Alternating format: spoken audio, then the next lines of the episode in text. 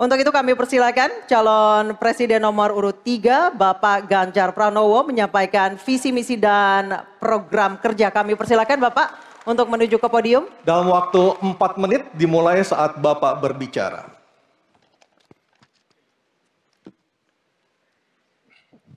Terima kasih.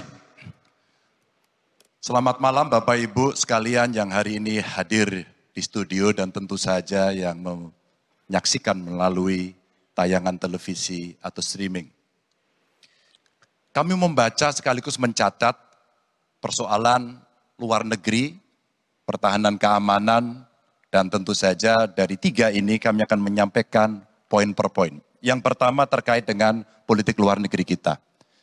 Politik luar negeri kita adalah alat untuk negosiasi terhadap dunia luar, tapi kepentingan nasional harus nomor satu.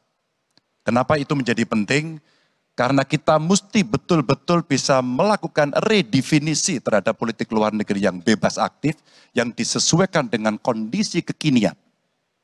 Ini penting karena apa? Karena kita perlu untuk memilih, memilah, dan memprioritaskan yang menjadi kekuatan, keinginan dari bangsa dan negara ini. Rakyat butuh bekerja.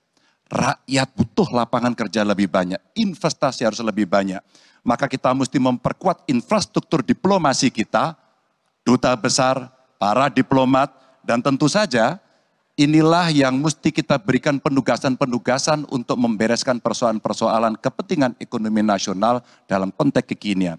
Dan tentu saja kita tidak pernah lupa, Indonesia selalu setia pada kesepakatan yang pernah diambil. Dekolonisasi yang dilakukan mendorong, meyakinkan kita semua untuk membebaskan seluruh bangsa tanpa boleh mengintervensi satu dengan yang lain. Dan inilah komitmen kita pada kemerdekaan Palestina yang kita dukung terus-menerus. Maka kalaulah kemudian itu kita kerjakan beberapa problem krisis iklim barangkali akan kita selesaikan dengan membawa pola-pola diplomasi sesuai dengan kekinian yang diperlukan.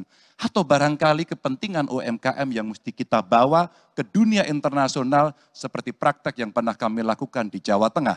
Dan itu membuat masyarakat akan merasakan politik luar negeri jauh lebih baik.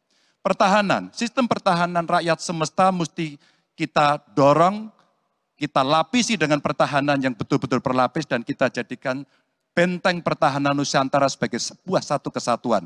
Dan kita perlu melakukan penataan gelar pasukan karena IKN menjadi pusat gravitasi baru dan ini bagian dari antisipasi terhadap tarung global antara Amerika Serikat dan Tiongkok. Untuk itulah pertahanan kita mesti masuk pada wilayah 5.0 dengan teknologi sakti, dengan rudal hipersonik, senjata cyber, sensor kuantum, dan sistem senjata otonom. Dan itu bisa dilakukan kalau anggaran dari Kemenhan itu 1-2 persen dari PDB. Sehingga MEF kita akan bisa tercapai.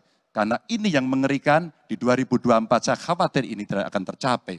Untuk keamanan, terorisme, narkoba, pinjaman online, judi online, kekerasan seksual, ini perlu mendapatkan perhatian termasuk TPPU. Maka reformasi kepolisian betul-betul harus mengantisipasi ini dengan penguatan cyber system kita, termasuk pengembangan SDM cyber yang kuat.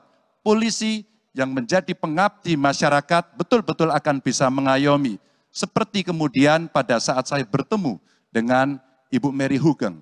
Bagaimana Ibu Mary menceritakan bahwa polisi kita mengayomi dengan kesungguhan. Polisi kita hidup dengan sangat sederhana dan mereka punya integritas yang tinggi. Sebagai anak polisi, saya paham betul ini sesuatu yang sulit dan pasti akan bisa kita lakukan. Dan tentu saja inilah capaian-capaian yang akan kita lakukan oleh Ganjar Mahfud. Bismillah insya Allah kami siap. Baik, terima kasih Bapak Ganjar Pranowo. Kami persilakan kembali ke tempat Pak Ganjar.